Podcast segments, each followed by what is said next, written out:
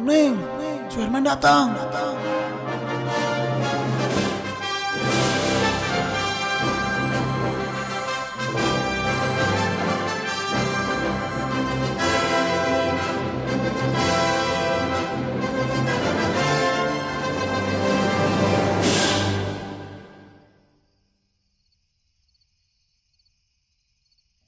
Dirga adalah seorang anak laki-laki lulusan STM yang tidak begitu punya banyak teman.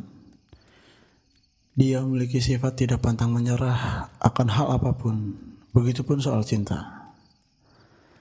Dia tipe laki-laki ambisius.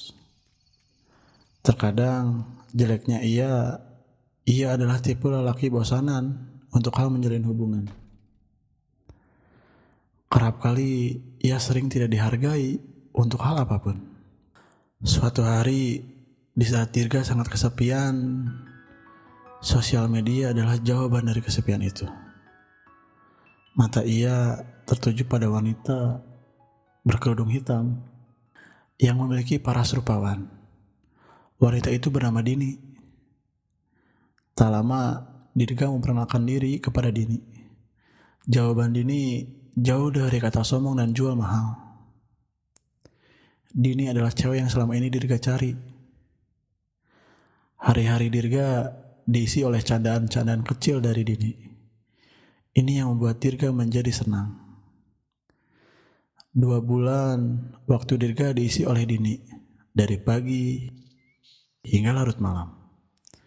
Tidak cuma chatting yang Dini beri, namun kerap kali ia mengirimkan foto paras mukanya yang begitu cantik.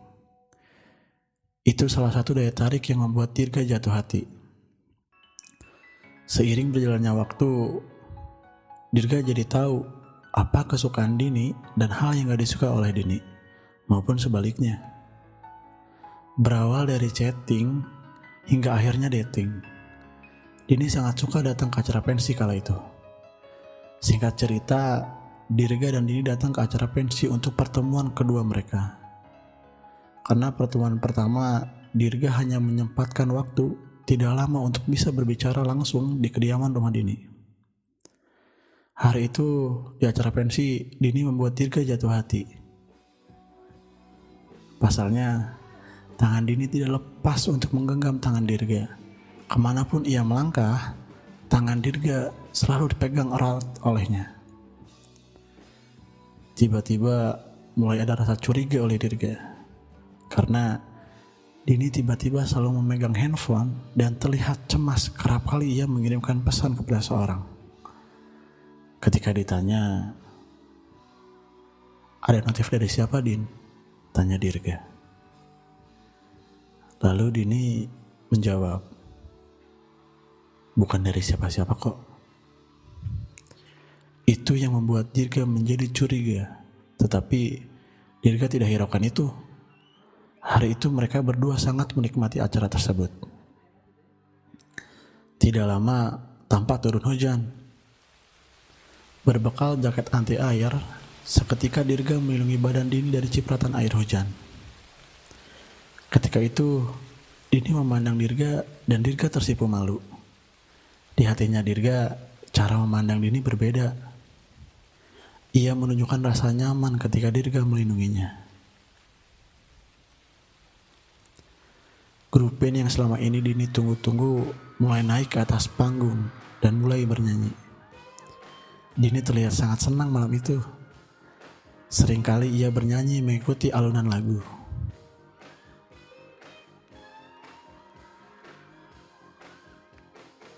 Hari mulai larut malam. Mereka berdua bergegas untuk pulang.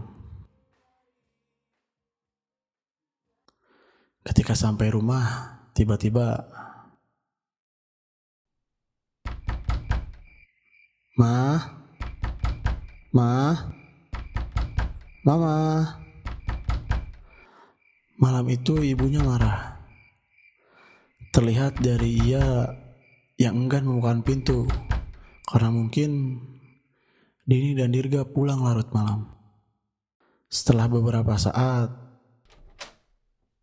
setelah ibunya membuka pintu, lalu ia langsung pergi ke dalam rumah lagi. Enggan bertemu Dirga dan Dini.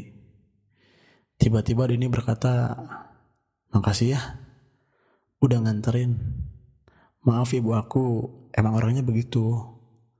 Kamu langsung pulang aja, aku gak apa-apa kok. Hati-hati di jalan ya, ucap Dini.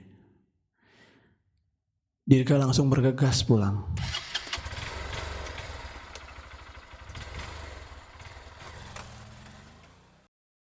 Keesokan harinya, di pagi hari ketika Dirga mengecek handphone, tidak ada pesan dari Dini. Karena mungkin biasanya ketika Dirga bangun tidur selalu ada notif dari Dini. Entah itu mengucapkan salam atau mengirimkan foto bangun tidur. Tetapi pagi itu tidak ada. Dirga mulai berprasangka buruk. Setelah beberapa kali ngechat, di kurun waktu yang berbeda, tiba-tiba tepat di jam 9 pagi, Dini mengirimkan pesan jika ia akan keluar kota bersama teman wanitanya. Dirga mempersilahkan Dini untuk pergi bersama temannya itu. Di siang harinya, Dirga mengirimkan pesan untuk mengingatkan agar jangan lupa makan, tetapi Dini tidak membalasnya. Akhirnya Dirga membuka Instagram dan melihat instastory dari Dini. Ia update sedang bersama temannya. Ia menyandarkan kepalanya di pundak seseorang dan memperlihatkan tangannya sedang menggenggam tangan temannya itu. Dirga mulai curiga. Kok teman ceweknya terlihat sangat kekar ya? Apa dia jalan dengan laki-laki? Rasa curiga timbul dari hati Dirga. Hingga akhirnya hari mulai malam, Dini tiba-tiba mengirimkan pesan. Maaf ya, baru ngabarin. Ini baru sampai rumah. Aku mau langsung tidur. Kamu jangan tidur malam-malam ya. Ucap Dini. Dirga hanya membalas seperlunya. Karena mungkin di hari itu Dini sangat berbeda sekali. Keesokan harinya, ketika Dirga bangun tidur, ada hal yang aneh dari kontak Dini. Ada nama laki-laki lain yang membuat Dirga tak kuasa menahan rasa marah. Ia kesal dalam hatinya. Hari-hari Dirga kembali seperti awal. Kembali sepi. Tapi ia percaya bahwa badai pasti berlalu. Maka untukmu yang saat ini sedang lara hati sebab ujian hidup yang datang yakinlah bahwa ada hal indah setelah ujian itu berlalu dan sesungguhnya jika kamu percaya akan ada pelangi setelah hujan maka seharusnya kamu pun percaya akan ada kebahagiaan setelah kesedihan.